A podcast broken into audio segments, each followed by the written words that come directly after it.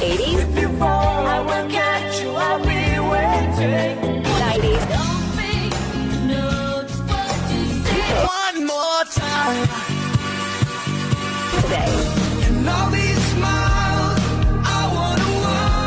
Groot FM 90.5. Ek weet nie of jy weet nie, maar vandag is uh, natuurlik World Earth Day of in Afrikaans Wêreld Aarde Dag en is nou vir my baie lekker om te gesels met Dr. Jaco Volskenk, senior lektor in strategie en volhoubaarheid aan Stellenbosch uh, se bestuurskool, al die pad daar van Stellenbosch af. Hallo Jaco, gaan dit goed? Dit gaan goed ons al. Dankie.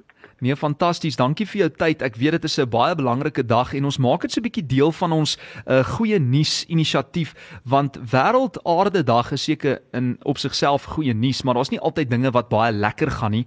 Ek meen as kweekhuis gasvrystellings nie teen 2030 drasties verminder word nie, sal die mensdom min kans hê om die impak van klimaatsverandering te beperk soos die 21ste eeu nou vorder wat die aarde op koers sal plaas vir massa uitwissing wat mense waarskynlik nie sal oorleef nie, is ek reg?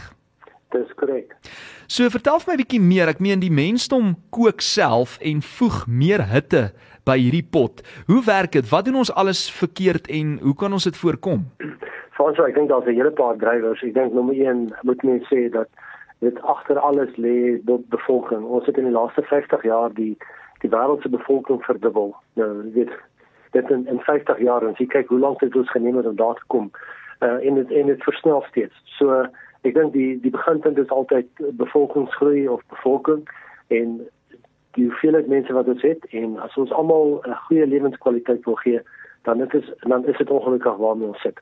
Ons ons sit met enige ekonomiese aktiwiteit en daarmee saam 'n koolstof voor en die koolstof uh, uiteindelik veroorsaak dat ons uh, verwarming het van ons atmosfeer. Nou, jy kan dink daaraan dat ons het fossiel brandstowwe, steenkool en en en olie wat in die grond is en wanneer ons dit uithaal en verbrand dan veroorsaak dit addisionele koolstofdioksied in die atmosfeer. En die enigste plek waar dit teen kan gaan is of in ons oseaan of in bome en terselfdertyd is ons besig om die bome af te kap. So ons is eintlik besig om die longe van die aarde ook verder. So ons ons moenie verbaas wees oor die atmosfeer verwarming nie Dit- en dit is heeltemal ons eie skuld. Mm.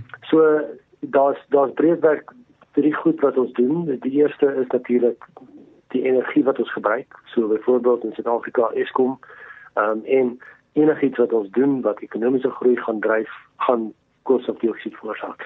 Die manier hoe ons reis, met ons reis in voertuie en as jy regtig daaroor dink, die hoeveelheid brandstof wat jy gebruik is as jy wetenskaplik gaan uitwerk, net 2% van die brandstof energie wat jy tot jou beskikking het, word gebruik om jou by die werk te kry. En die res word gebruik om die kar te vervoer en die res word ge, gemors in in hitte energie byvoorbeeld. En en derdens die die tipe kos wat ons eet, so as ons beesvleis eet byvoorbeeld, het 'n baie swaarder koolstofvoetspoor as byvoorbeeld enige soort groente of vrugte. Ehm um, en en ons het in die, soos ek genoem het, ons het ons het die bevolking verdubbel in die laaste 50 jaar, Sure. maar ons het um, vleis vleisgebruik verdriedubbel in daardie periode. Hmm. Uh op enige in enige jaar slag ons 50 biljoen hoenders.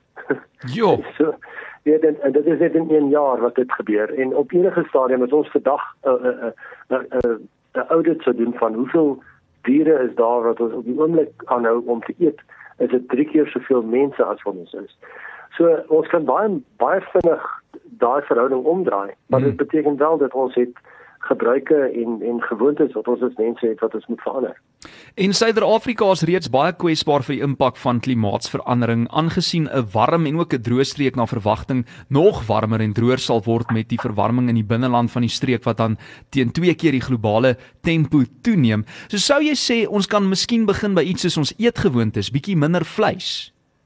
Ons kan beslis begin by iets soos vleis. Uh, ek weet natuurlik jy weet, ek ek self, uh, ek en my vrou het al probeer om uh, vir 'n paar dae of so net te sê kom ons probeer die vleis um, uit ons idee dit al.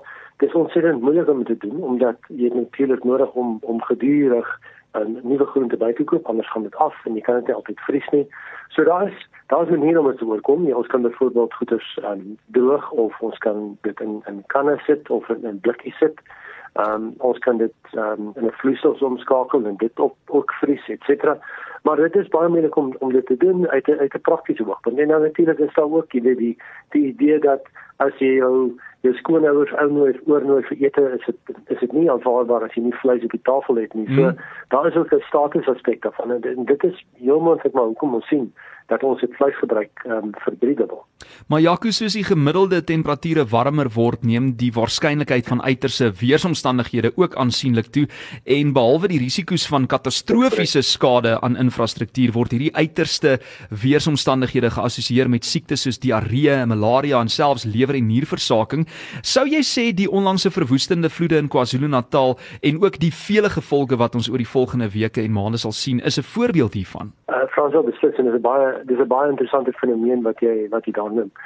Ons kan dink aan klimaatsverandering as 'n as as twee oorvleelende neigings.